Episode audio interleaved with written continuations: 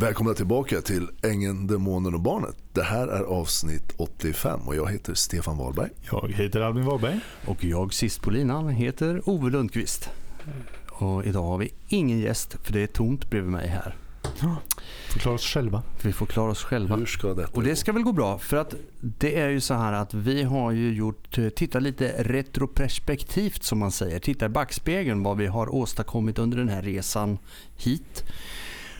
Och det är några grejer som vi har eh, pratat om. Och bland annat eh, det här med guldkornet då som gick i konkurs. Och hur eh, det har drivits. Och dessutom har vi också pratat lite grann kring det här med att det har lämnats in till Ekobrottsmyndigheten och så vidare. Men man kan tycka att det händer ingenting. För det, det tycker vi också och det kanske ni lyssnare också tycker. Det har varit väldigt tyst på den fronten för det har inte hänt någonting. Och det händer säkert saker i bakgrunden. Det som är intressant nu det är att vi har hittat ett eh, referensfall som är ganska likt och vi kommer att prata lite grann om vad som har hänt på Guldkornet och även det här referensfallet och se liksom likheterna och varför det tar lite tid. För det här referensfallet har tagit väldigt lång tid. En jävla massa tid. Ja. Egentligen så man börjar ju backa tillbaka till 2016 och domen kom i december. Förra året. Förra året 2023. Så det är ganska lång tid som det har tagit för alla utredningar och alltihopa innan det har liksom kommit så pass långt. Men vad, vad, hur ska vi börja beskriva det här? Det är ju en man som har bedrivit ett hem Mm. där det har skett ekonomiska oegentligheter. Som eh, från början på 2016, egentligen hela 2016. Precis. Där, eh, där man inte då har lämnat in och redovisat på sånt sätt som man ska göra. Precis. Och, Och anmälningarna kom in 16 och 17 redan. Första anmälningarna, eller hur? Ja, det gjorde de. Och sen så under 17 så började det också komma ifrån, vad kom det från IVO va? Mm. Anmälningar och så vidare. Och det här nu har väl legat, vad jag förstår, har legat under utredning ända sedan 17 kan man väl säga. Om man börjar titta på året 2016 vad det gäller de ekonomiska oegentligheterna. Och det har tagit en förbaskad lång tid. Och just det, det här företaget då, då eller behandlingshemmet, gick i konkurs 2021. Lämnade de in konkursansökan. Och då har ju det alltså varit overksamt från 2021 och domen faller 2023. Så Men det var då- väl ett stödboende till och med va? Ja, ett, Mm. precis. Mm. Precis som, ja. Ja, precis. Guldkornet. Som guldkornet. Och det är det som är lite intressant nu. Att det är liknande verksamhet men där man har begått ekonomisk brottslighet i princip. Mm. Och dessutom har man under en period, och jag vet inte om det är hela perioden eller om det är delvis, som den har drivits utan tillstånd. Eh, därav de här IVO-anmälningarna som har kommit in under 2017. Mm. Och jag vet inte hur eh, turerna har gått kring det där, för allting står inte i den här domen. Vi har ju alltså en dom på flera si- fem sidor eller vad det är, fem, sex sidor som vi har läst igenom. Det är mycket bla bla bla. Men eh, de väsentliga bitarna som vi har plockat ut är ju då att de här personerna har ju då belagts med näringsförbud till att börja med vad jag vet. Jag vet inte om Mm. det kommer fler, eh, om det någon, kommer bli något mer utav det här. Jo, det kan man slänga på rätt så snabbt. Ja. Och sen kommer väl en dom sen. Ja. Men det stora är väl att det är ekonomiska oegentligheter i bolaget. Ja. Precis som Bill Engman har gjort med både Växa och hans inblandning med Eva i Guldkornet också. Mm. Så där har vi ju likheterna. Men vi funderar på, lite uppgivet har ju vi pratat om det här i podden med. Som att Mm. det kanske inte händer någonting. Men jag pratade med Ekobrottsmyndigheten rätt nyligen. Mm. Och där fick jag uppfattningen att eh, det i allra högsta grad eh, Mm. pågår. De kan, Mm. inte säga, de kan ju inte säga rent ut men jag försökte att fråga så mycket jag kunde men eh, det är absolut inte nedlagt eller något beslut om det. Utan Nej. vad jag fick uppfattningen att det fortsätter. Mm. Så för Och, då, som och då känner- tar det ja. tid. Det tar ju tid. Exakt, så för er som känner att vad fan, det, det blir ju inget av det här. Varför, eh, Ha tålamod. varför blir det ingenting? Exakt, ha tålamod.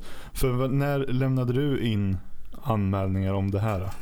Om, om guldkornet och växa? Första gången jag lämnade in till Ekobrottsmyndigheten, det var väl 19 tror jag. Ja. Så det är ju säg fyra, fyra snart fem år sedan då, Mm. Ja. någonstans. Men, eh, och, det, och det första, jag pratade med han, vad heter han, chefsåklagare tror jag han var, han högsta hönset där. Mm. Och han sa ju att eh, de hade, för jag fick uppfattningen om att det, det, inte, det inte låg kvar hos Ekobrottsmyndigheten, För att det det var var nedlagt. Ja det var nedlagt, men det var inte för att det var nedlagt för att det var dålig information utan för att de ville utreda det ordentligt. Så då hade han ju skickat vidare till Skatteverket som skulle starta en större, mycket bredare utredning. Och sen när Skatteverket är färdiga, och det sa han, det kan ta tid så att du vet om det. Sen går de tillbaka till Ekobrottsmyndigheten och liksom gör, då har de ett, ett mer, mycket djupare underlag på allt som har hänt. Mm. Okej. Och sen kan man väl lägga in, jag pratade med konkursförvaltare för Guldkornet också. Om ni kommer ihåg det så sattes ju Guldkornet i konkurs inför rättegången. 100% bara för att de inte ville göra rätt för sig till mig. Mm. Men eh, jag har ju haft kontakt med konkursförvaltaren så hon vet om allt det här. Och hon såg ju rätt så snabbt att det här var mycket som inte stämde. Så hon sa att det här blir definitivt en anmälan och jag är inte färdig med allt sa hon till mig. Ja, och en- Att de, eller anmälan, de lämnar, lämnar över det till åklagare gör de Ja, okej. som, som driver det. Så att eh, det, det där, eh, ha lite tålamod så Så som sagt, det här, det här första fallet som vi har hittat nu här. Men ja, har det skrivits om i tidningen? Ja, det har skrivits, om det i tidningen Ja, då- också i det här fallet. Så att Då det, kanske vi kan lägga ut om det så ni får läsa det själva, eller? Det måste Ja. vi kunna göra. Ja, själva boendet kan vi ju nämna. själva Ja. domen och det. För det måste vara offentlig handling om tidningarna Ja. skriver om. Oavsett. oavsett, Det här ja. har ju tagit 7 till 8 år. Ja. Det var Ja. det som var liksom upprinnelsen till att vi pratar om det idag. Att Ja. vi såg att det hade tagit så otroligt lång tid. Mm. Och det kanske man förstår nu. För att i och med att parallellen var ju då med det vi har pratat om med guldkornet också. Att eh, det händer ingenting tycker man. Men det, kan, det pågår bakom stängda dörrar så jobbar de febrilt. Och man fattar ju nu att det tar tid. Och sen har ju vi haft pandemin här emellan också. Som kanske gör att det har dragit eh, över på tid ytterligare. Det vet Mm. vi inte någonting om. Men det kan så vara fallet. Så, Men, så eh, vitt vi vet och kan anta och utgå ifrån så bör det vara i full rulle och de utreder bäst efter bästa förmåga så att Ja, säga. Och för- sen var, vart det slutar får vi se. För, för, det, för, för guldkornet ligger ju i princip två år efter det fallet vi har tittat på Ja. som, har, som fick beslut i december. Eh, och ja, 16, 17, 18, 19, tre år då. Kan man säga. Eller anmälan kommer nog säkert inte in förrän 17 så det är nog två år som det skiljer faktiskt. Emellan de här. Så det man kan konstatera med det vi har förstått nu och även när jag som sagt hörde av mig för inte så länge sedan till Ekobrottsmyndigheten. Det är ju att det tar tid och man får ha lite tålamod. Mm. Man kan ju tänka sig själv alla bolag Bill Engman är inblandad i. Så förstår man att det är fan inte lätt att få grepp om och hela den pengasnurr som han har igång i sina bolag och har haft. Eh, Tänk er att de börjar titta på något år gissningsvis på tiotal bolag eller vad det är. Mm. Och sen så ska de gå tillbaka år efter år. Det är ju, det är ju ett, ett utredningsarbete som är helt stolligt. Alltså. Eh, Så det måste man ju förstå att det tar tid. Och precis som det har gjort i det här fallet, Ja. som vi, referensobjektet som vi tar upp nu. Det var väl då det blev ganska klart att fasen det här tar tid. Mm. och man ser ett resultat. Och det krävs nog ganska mycket eh, djupdykning i, i dokument. Och, eh, det krävs fanns ju ju en även, i, I den här eh, så fanns det ju också vittnen som hade gått in i... Mm. Som då, så förmodligen så är det väl sånt som kommer också, det vet man ju inte. Nej, jag vet ju bara, de har ju varit väldigt tacksamma för det jag har gett dem och sen vet jag ju, eh, det är två stycken i alla fall, det kanske är fler, men det är två stycken som har hört av sig som också har lämnat in information just om Bill Engman och, och eh, växenheten. Eh, så eh, de har ju material Mm. att gå på, de har någonstans att börja rota i. Mm. Och jag kan gissa att så långt jag pratar med dem, de säger ju inte så mycket till mig förstås. Men fått, man anar ju vissa saker i alla fall när, de, när de säger, men de har ju fått eh, liksom, säga, system för hur de gör Mm. med det jag har nämnt. Mm. Och så kan de ju titta på samma sätt hos andra. Jag vet ju till exempel som jag berättat om att Bill berättar för mig att han har ju flera eh, gamla kompisar som han uttryckte som har firmor som falskfakturerar då, Mm. eh, växenheten. Så han kan plocka ut andra grejer. Mm. Det är inte bara Mats Skog och Fritid uppe. De är ju indragna i det här också. Så Mm. alla ni som, nu när jag kommer på det, alla ni som har gjort samma sak med Johan, vad han heter, och kanske Bill med på, på Mats Skog och Fritid, i den, i den mån han nu är inblandad, Mm. eh, Bill. Eh, fundera på att titta över er bokföring. För det kanske kommer en granskning på er också. Mm. tänker jag. För de har ju sett det systemet och vad jag förstod från en som, som var väldigt nära Mats Skog och Fritid, om jag uttrycker mig så, så är det ingen som vet om det är. Så är det andra bolag som också har gjort likadant som, som Bill har gjort med Mats Skog Fritid. Att de fakturerar för event och grejer och sen plockar de ut eh, privata grejer, skotrar. De gör klassiken, de följer med pengarna. Ja, och, och för Ekobrottsmyndigheten, och det har jag sagt till dem, det är väldigt enkelt. Det är bara att gå in på Mats Skog och Fritid och kolla på deras bokföring och titta hur fan de har trollat bort liksom Ja, bara Bill har ju hämtat ut, uppskattar jag, det han har berättat för mig, 30-40 fordon. Det är fyrhjulingar och det är skoter och mm. allt vad det är för någonting. Men jag menar, hur får man bort det ur en bokföring? För de måste ju varit inköpta någonstans. Mm. Och sen är de ju vidare till någon. Vilket jävla jobb ja, att sitta... vilken alltså, jävla alltså, bök alltså. Ja. Och moroten för Mats Skog Fritid är att de säljer ju massor. Mm. Ja, men på vilket sätt säljer de? Ja. Eh, så det, är, så det är klart att bara den, bara reda ut den lilla, eller lilla och lilla, men det företaget måste ju vara bökigt för mm. Ekobrottsmyndigheten och utredarna. Men det som liksom följde i kölvattnet av vår diskussion kring det här, det var, ju, det var ju flera olika saker. Bland annat vad det lämnar för spår hos eh, folk runt omkring. Eh, för om vi tittar på det här bolaget då, som vi har tittat på, som ja, Värmlands, Värmlandsgården AB heter de kan vi säga. Det spelar ingen roll. Eh, de finns inte längre. De gick i konkurs 2021. Men Värmlandsgården i alla fall. Det är då det här referensobjektet? Det är referensobjektet, ja precis. Och då, eh, de har ju då anställda, de har ju haft det nära, alltså folk runt omkring åker ju med i den här soppan. Nu vet inte vi hur många runt omkring som har åkt med eller om det blir fortsatta rättegångar och utredningar. Att det, det kan ju bli en sån här följdeffekt på alltihopa det här. Eh, nu är det ju de här två som då var huvudmän i bolaget som har fått näringsförbud. Så långt vet vi. Men vad som kommer sen och följer i det här, det har vi ingen aning om. Men vi pratar ju lite grann om det här. Hur blir det med anhöriga som då får gå in? Vilket vi har ju sett nu att anhöriga har fått gå in och tagit över bolagen. Därför att de, en av de här och rädda det som räddas kan. Ja, en av de här personerna då står ju inte med längre i, i, eh, i bolagen och framförallt inte i moderbolaget som står under hans namn. Eh, däremot så står anhöriga på det. Så det innebär att anhöriga får gå in och ta ett ansvar och faktiskt åker med i den här svängen. Och vad man förstår utav eh, eh, doms, eller domslutet här som det är ju att det har ju varit en medveten eh, att man medvetet undanhållit eh, ja. vad heter det, all, all räkenskaper och alltihopa det här. Man har ju skapat eh, Ja, vad, vad fan stod det? Fordringar som inte fordringar finns? Fordringar som inte finns. Ja, 90% eh, i fordringar till eh, Eskils, nej, Enköping och eh, Karlstad kommun. Karlstad kommun ja. eh, som egentligen skulle vara noll. Så 90% är ju ganska stor del. Men var det av den totala omsättningen? Jag, läste nej, inte själv. Det eh, nej, det var ju utav tillgångar. Av tillgångar? Ja. 90% av tillgångarna ja. fanns inte på riktigt? Nej, det, utan det var ju skulder. Och ja. Likheten med Växa här är att de har tillverkat falska dokument som då ska peka på något annat än vad det egentligen är. Och det är mm. precis det Växa mm. gör och har gjort också. Mm. Eller gör. Just vad de gör för dagen vet jag inte men de har gjort då, det. Då, vi pratar då ja. Precis. Och, där, och där blandade ju och det är klart att eh, det kanske blir så att när det här börjar bränna till då kanske det ploppar upp en tredje delägare. Man vet aldrig, guldkornet. Mm, det kanske Bill och Eva säger att Nej, men Stefan har nog varit med, det är han som har gjort det här. Mm. Skulle inte förvåna mig. Tänk om det kommer, det vore kul. Men, ja. Eh, men som sagt eh, Likheten är ju det att Fast man, du har ju domslut på att du inte var delägare. Det har, det har jag mm. faktiskt. Ja. Så det, kan ju, det, kan det här har vi redan diskuterat en gång och då var ni väldigt tydliga med vad, hur det låg till. Ja. Nej, men, eh, och Daniel men, visste ingenting och Willan visste ingenting och ingen visste någonting. Nej. Och det finns det ed på att de ja. visste ingenting. Ja, Daniel kanske kommer ihåg annorlunda, man vet aldrig. Nej. Man vet aldrig. Nej, men det, så, så, så, budskapet, det tar tid och det gör det. Och lik, det finns ju likheter när man läser om det här i Värmlandsgården också.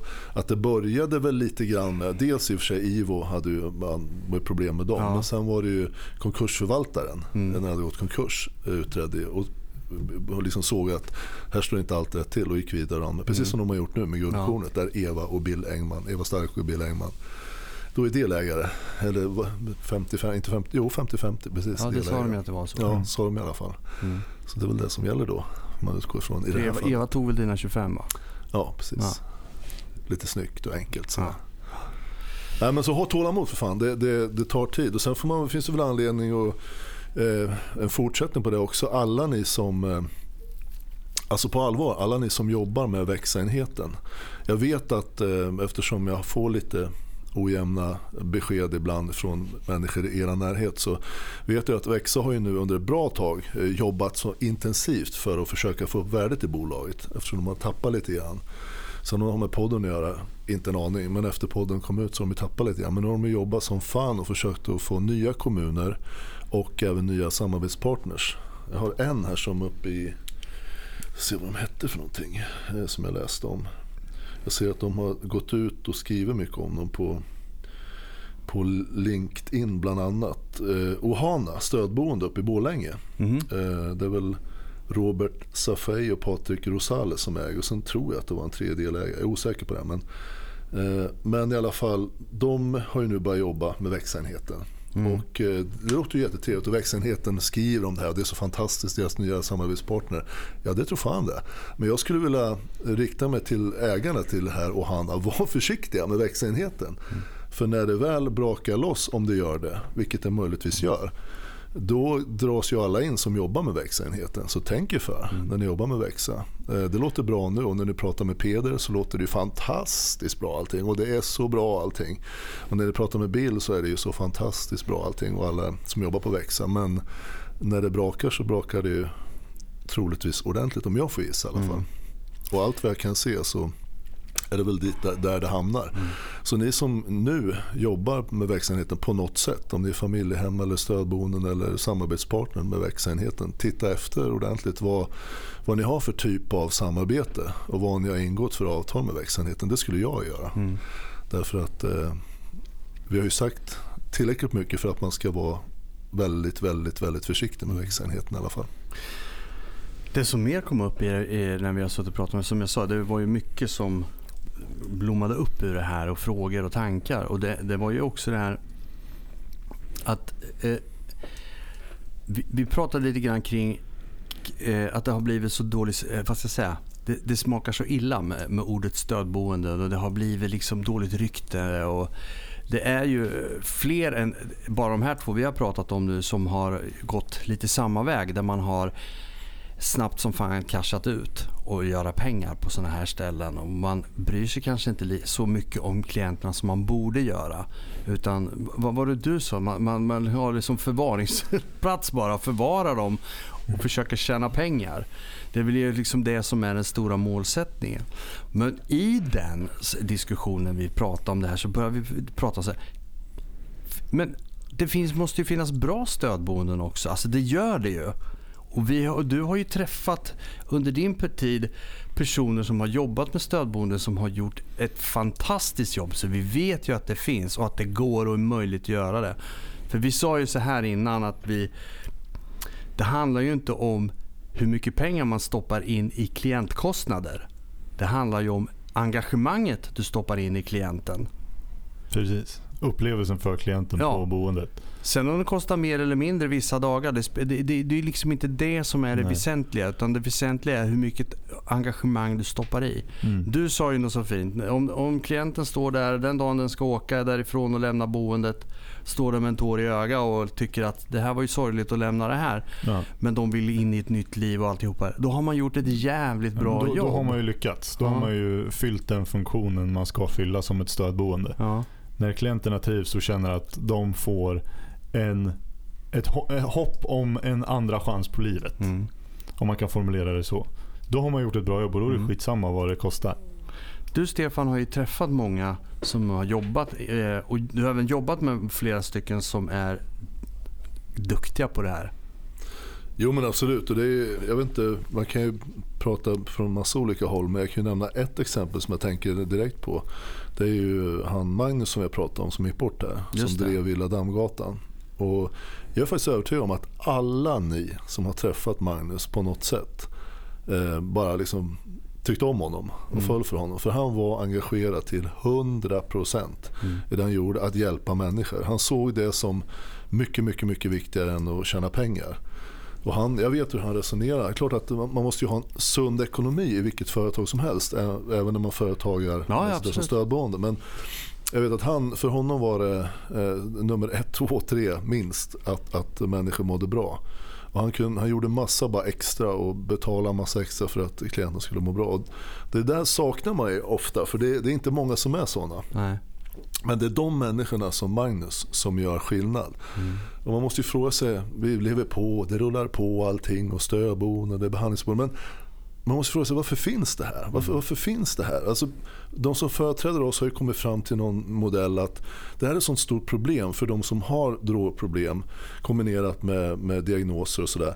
Och det drabbar dem, det drabbas alla, alla, drabbar alla anhöriga, barn de har kanske allting. Det, är- det är en mängd människor runt omkring som, som, som drabbas och, och det skapar stora problem i samhället. Då har våra beslutsfattare bestämt att stödboende det är en variant som vi kan ha där inget annat liksom passar. Och då skickar vi ordentligt med, liksom, med resurser till det här för att det ska funka. Och då ska det ju inte vara så att en sån som till exempel Bill Engman, jag nämner honom därför att det är tacksamt att nämna honom för han, är liksom, han har gjort så mycket som, som passar in i den här dåliga modellen tycker jag. Eh, han tog ut, som jag berättade om, eh, det, 2017, om ni kan gå in och kolla på alla bolag, 47 miljoner ett enda år tar han ut som aktieutdelning. Ett enda år, 47 miljoner. Förstår ni vilka pengar?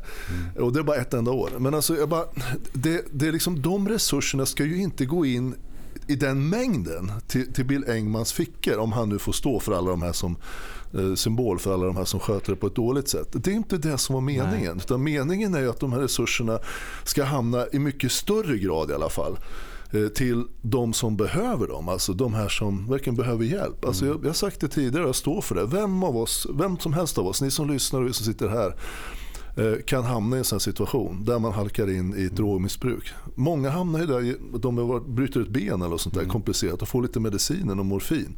Och sen är de fast. Och sen faller ett, ett de tappar jobbet, de tappar förhållanden, de tappar hus och allt möjligt. Och det bara brakar iväg. Och då är man i ett läge där man inte är sig själv.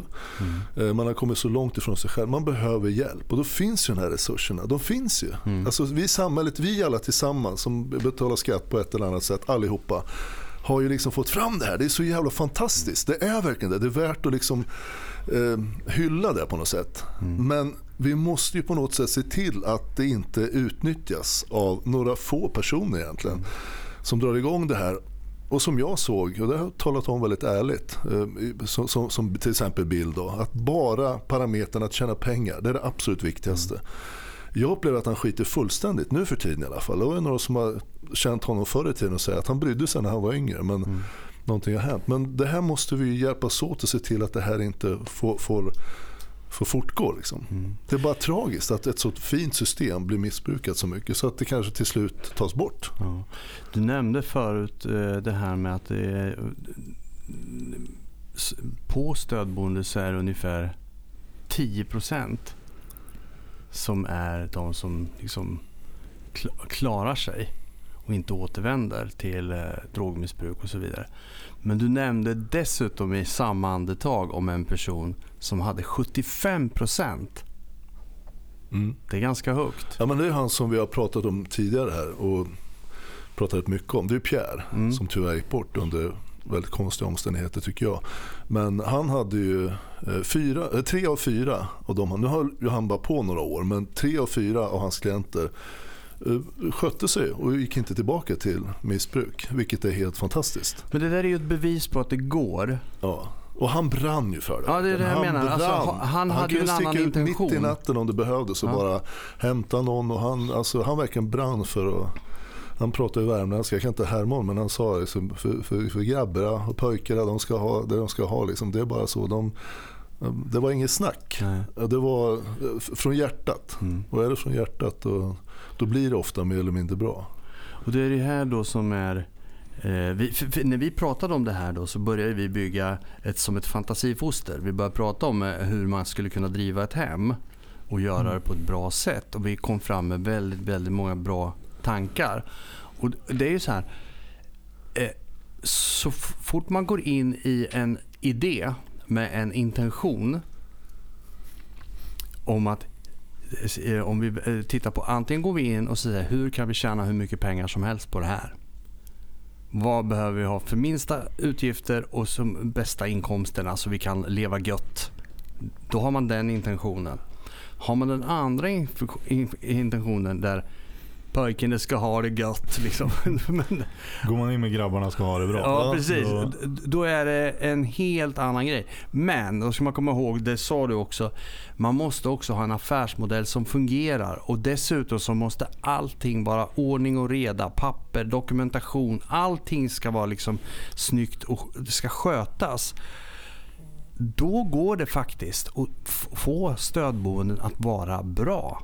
För det är, har man bara rätt modell för att göra det och man gör det med rätt intention och med rätt personal, alltså de som jobbar där, som har den intentionen.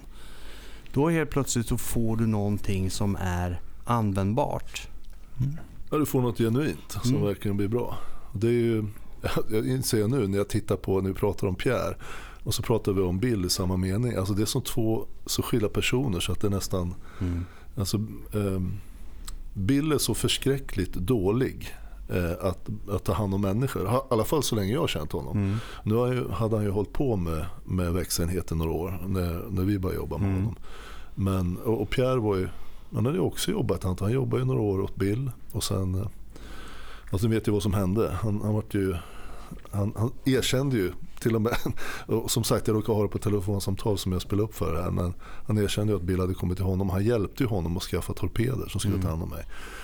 Men det är också en sån här grej, vi pratar om att det händer inte grejer. Men det här ligger ju med och är anmält också. Mm. Så det ligger ju med i någon utredning. Vi får se vad allt det här landar i. Men, men den genuina liksom, person som Pierre var. Alla ni som har träffat honom och känner honom vet ju eh, vilken jävla eh, superkille han var.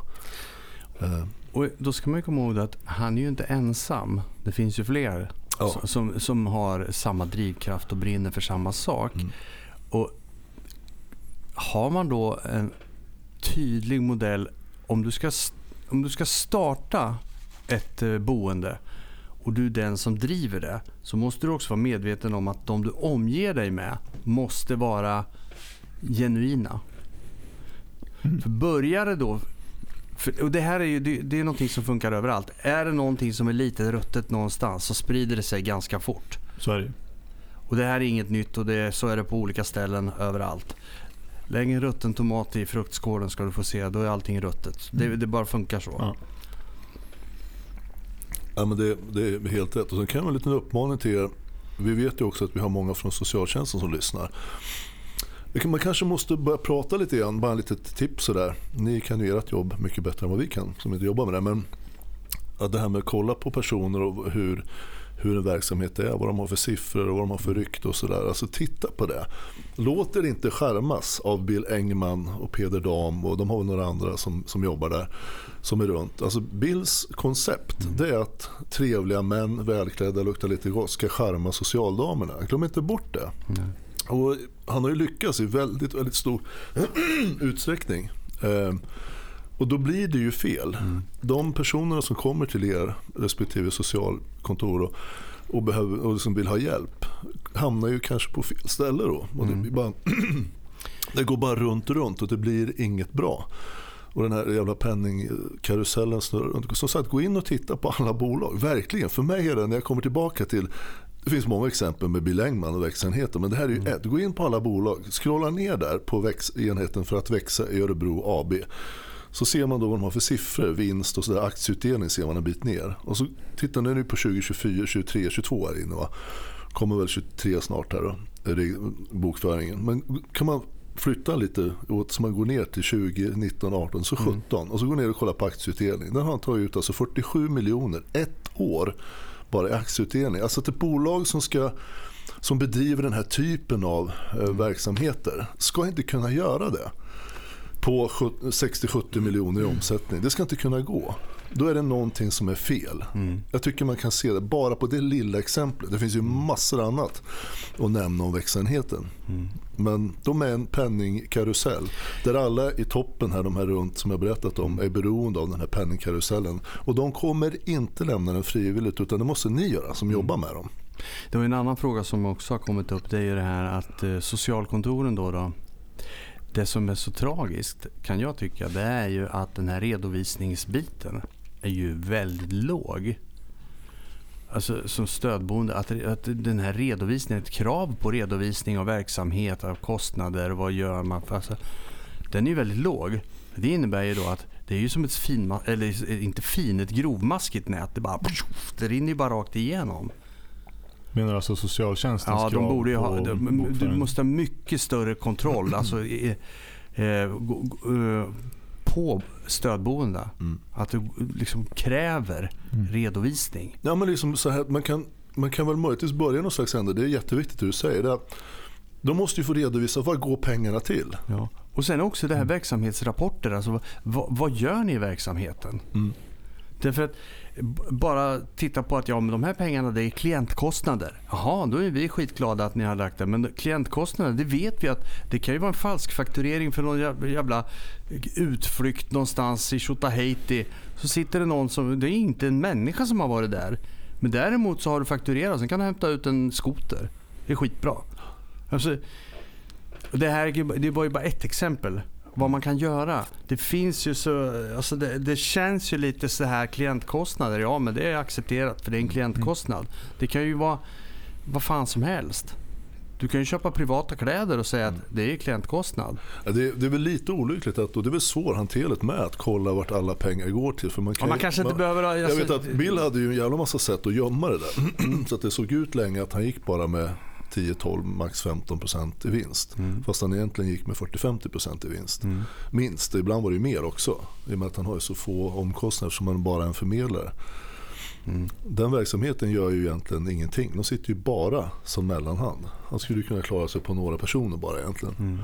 Man har ju en, en grupp runt omkring sig. Ja, nej men, vi pratar lite runt om det här men det är ändå värt att, att nämna. Du, var inne på det förut här också. Det finns ju eldsjälar som gör ett Mm. galet bra jobb. Och man ska hylla dem. Ja, jag. verkligen. Och man får ju ha i åtanke att för varje stad man hör att det sprängs och skjuts i så finns det väldigt, väldigt, väldigt många som det inte gör det i och där folk ser till att det inte händer. Mm. Eh, Man får ju bara höra de dåliga nyheterna, inte de Mm. bra nyheterna. Det finns ju massor med hem Mm. som fungerar ypperligt. Så det är därför vi vill liksom lyfta och prata i alla fall om att det går, det går att driva bra stödboenden, bra hem och alltihopa det här. Men bara, så länge man har rätt förutsättningar. Det- jag är mest oroad över är att den här redovisningsbiten att den är lite tunn kan jag tycka. För det är ju trots allt ett ansvar man lägger på ett stödboende. När du köper in en tjänst från socialkontoret, du köper verkligen en tjänst och betalar ganska bra pengar för det. Då tycker jag att du är ju kund på socialkontoret och kö- köper en produkt eller en tjänst. Då vill du veta och kvalitetssäkra att du, du verkligen får det du betalar för. Och att du ska kunna gå in och granska och kontrollera. Så du inte tror, vad heter den här restaurangen bakom Filmstaden? Ålundagatan, vad heter den? Ja, just det. Ågatan. Ågatan. Så Ja. du inte tror du går in på Ågatan och ska äta entrecote du får en korv på Biltema. Vilket behöver inte vara dumt, men då ska du inte betala för, för en middag på Nej. Vad det heter. Men i Örebro heter det. Men så det är en fin Ja, restaurang. Kitchenette heter väl restaurangen om man ska vara Ja. noggrann. Ja. Nej, men- Ågatan 3 men- Lite haltande kanske jämförelse men det förstår vad jag menar ändå. Alltså man får det man betalar för. men det, det går vi- mycket pengar och det sätts, avsätts Ja. mycket, mycket resurser Mm. till sådana här boenden. Ja. Sen om ett boende går med bra vinst men ändå vi kan uppvisa ett bra resultat. För det var som jag började med att säga, det handlar ju inte om hur mycket pengar du stoppar i varje klient. För det kan ju vara pengar som det eldar för kråkorna om du inte har ett engagemang. Ja. Men har du ett engagemang då har du i alla fall åtminstone ett ekonomiskt stöd för att kunna göra en verksamhet Förverkliga det engagemanget. Precis. Och det är det det handlar om. Att Mm. du har den resursen att kunna göra det. Det är inte alltid att allting behöver kosta. Det var ju som vi sa förut. Att en dag så kanske det kostar 2000 kronor för en klient. Men nästa dag kostar det 5 kronor. Ja. Men den dagen som kostar 5 kronor så fick klienten mycket mera alltså, värde som människa. än vad den kanske fick för 2000. Det kanske var något annat som var välbehövligt för de 2000 som gjorde en annan del av det Mm. hela. Ja, men jag, kan verkligen förtydliga det. Och ni som, jag tänker det här med stödboende. Det kan ju tyckas att eh, genomgående i podden att det blir en del negativt om stödboende. Men jag tycker det är synd om det ska bli så. För nu pratar vi om en specifik firma, i ett företag, växenheten. Eh, som har då ett antal stödboenden och hela den cirkusen kring det. Men det, det har ju en central person som är huvudledare om man ska kalla det. Det är ju Bill Engman som jag tycker är fruktansvärt olämplig för det han gör. Och det, folk dör. Eh, som resultat i alla fall. Han är ju inte direkt, han går inte omkring och dödar människor. Det är inte så jag menar för att vara väldigt tydlig. Utan, men, men tack vare allting som han är med och ställer till så en del av resultaten blir fruktansvärda. Till och med så att folk går bort i den. Så får man väl klura ut och, och tänka och tycka vad man vill om det. Men, och det vi har ju berättat om, om en, ett fall som var väldigt klockrent. Janne. Men det finns som sagt, ja, eh, han vi kallar för Janne. Men det finns ju också många hjältar, det måste jag säga. Vi hade ju några som var, man ser de som sticker ut, de som, ni som jobbar på stödboende. Ehm, och jag vill verkligen, verkligen ge en eloge. Ni är hjältar, där ni. Vi hade, jag måste namnge några, i alla fall med förnamn. Som vi hade, jag hade tre som jag tänker på direkt. Ehm, två killar, en som heter Adam, en som heter Fahim ehm, eh, och en kille som heter Jim. De tre var ju klipper. Vad de än gjorde så var de omtyckta. Därför att de var där. De gav liksom hela, sig, hela sig själva i det. De gav hjärta i det de gjorde. De var genuina. De var genuina, verkligen. Och vad de sattes inför för problem eller vad för klient, problem klienterna hade så gjorde de allt vad de kunde med hjärtat för att fixa det. Och det funkar, det går hem. Och det är sådana som, som blir liksom värdet i ett, en, ett, ett boende, så är det bara. Och det, är- det, är som det är det som krävs. För som sagt, när man halkar iväg så som många har gjort som, som behöver den här hjälpen som man kan erbjuda på ett stödboende till exempel. Då behöver man någon som tittar och lyssnar. Inte bara låtsas titta och låtsas lyssna och göra någon slags konstiga åtgärder som de inte är engagerade i. Det funkar inte. Utan det måste vara gå in helhjärtat i det. Så det är hjältarna. Det är inget snack om det. Och de finns ju. Ja. Och det får man inte glömma bort. För, Nej. För det är så lätt att liksom prata om den här negativa sidan som faktiskt som du säger. Det är, det är ju väldigt isolerat det. Det Ja, handlar alltså- om som vi pratar om. Ja, precis. Och det finns de som är duktiga som driver men och de som man kan se tydligt det är ju ni hjältarna som jobbar där. Men sen finns det de här rötäggen, som det här referensobjektet som Ja. vi kallar det. Ja.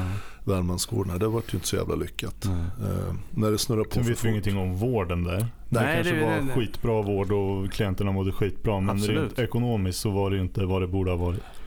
Nej. Så långt vet vi ju. Ja, precis. Precis som att det känns som att när, när någon driver något sånt här så det här med man säger mycket ska ha mer. Mm. Det är som startar en penningkarusell med väldigt stora summor som, som många kan inte hantera. Folk blir fartblinda. Mm. Och det är så de har förklarat Bill. Han var ju faktiskt genuin från början och Mm. hjälpte många innan han började tjäna pengar. Men sen hände något. Mm. Det är minst två som jag pratade med för inte alls så länge sedan som har sagt precis samma sak. Mm. Och det är väldigt tråkigt. Och då drar det ju med sig en jävla massa. För den som är uppe i toppen syrar ju liksom hela verksamheten. Hur den ska vara. Mm. Mm. Lite tankar om det. Ja, faktiskt. Ska vi runda av här för idag? Ja, det tycker eller? jag. Känns som ett lämpligt ställe Så att göra kommer det vi igen om en vecka. Ja, det gör vi. Sköt Ha om det er allihopa. Ha det bra. Hej då. Hej.